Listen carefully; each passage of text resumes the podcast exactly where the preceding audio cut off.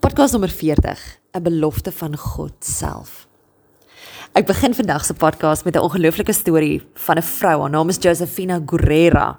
En sy het in die Tweede Wêreldoorlog het sy 'n baie groot aandeel gehad in 'n kruisgevangenes se kos en voorsiening van medisyne en boodskappe en so meer. Sy was bekend en sy was geliefd in Manila en sy was jonk en mooi en getroud met 'n welvarende mediese student. Ons hou van so 'n storie, nê? Nee. Maar toe in 1941 word sy gediagnoseer met melaatsheid en sy het begin behandeling kry. Maar met die wêreldoorlog, nadat Japan die Filippyne binnegeval het, het al die leprose gestigte gesluit en sy kon nie meer behandeling kry nie. Nou ten spyte hiervan het sy die ondergrondse beweging bygestaan en sy het voedsel, klere, medisyne en boodskappe na kruisgevangenes gesmokkel.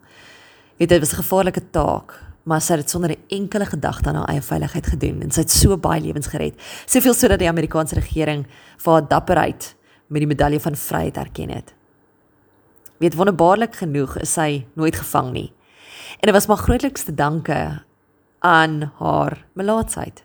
Die tekens, die oop sere, Nou dit klink verskriklik, maar omdat die Japaneese soldate vir haar so gegrill het, as hulle haar gestop het in die strate, het hulle haar nie lank opgehou nie, want hulle het haar seer na verbande herken as 'n simptome van gevorderde melaatsheid en was hulle bang vir haar. Weet God het hierdie ongelooflike manier om 'n storie en lewensverhaal net om te draai en lig te laat skyn op donker plekke. En as my so min dinge so lekker soos 'n storie met 'n goeie einde, want wanneer die lig so helder skyn dat dit die donker insluk, O. Oh, dan dink ek God is goed. En ek is op 'n plek in my lewe dat ek as ek van so 'n storie hoor en ek elke deurbraak saam met elke mens wat ek teekom kan vier. Dan besef ek net ons is op 'n plek dat ons net meer en meer en meer lig om ons nodig het. Weet God is nie 'n aannemer van persoon nie en as hy kan deurkom en mense se donker omstandighede in lig kan omsit, dan weet ek mos dat hy vir my en enige iemand anders dit ook kan doen. Dan dink ek aan daardie cheque in die pos met die korrekte bedrag geld, die telefoonoproep op die regte tyd, daai swaar reënwolke uit die blou tyd, die twee streepies op 'n swangerskaptoets of 'n skoon mediese rekord.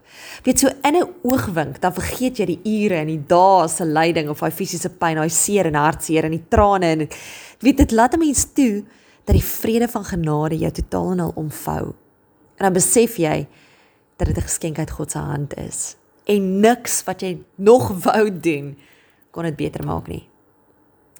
Nou daar's 'n bekende teksvers in Efesiërs 6:12 en herinner 'n mens dat jou stryd nie teen vlees en bloed is nie, maar teen elke mag en gesag, teen elke gees wat heers oor hierdie sonnige wêreld, teen elke bose gees in die lig. En daai bekende teksvers in Efesiërs 6:12 weet dit gaan voort deur vir jou praktiese raad te gee.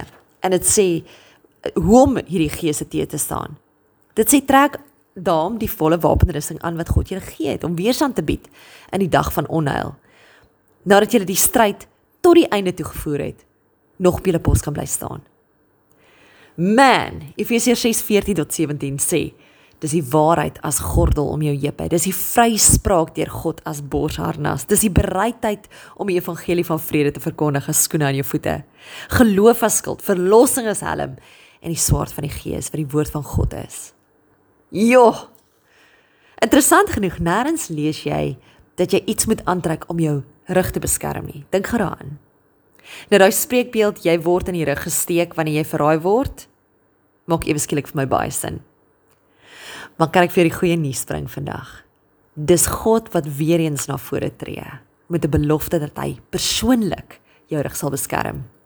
En ek hou vas in Jesaja 58 vers 8 wat sê dan sal die lig vir jou deurbreek soos die rooi dag. Jy sal gou herstel. Hy wat jou red sal voor jou uitgaan. Die mag van die Here sal jou agterhoede wees.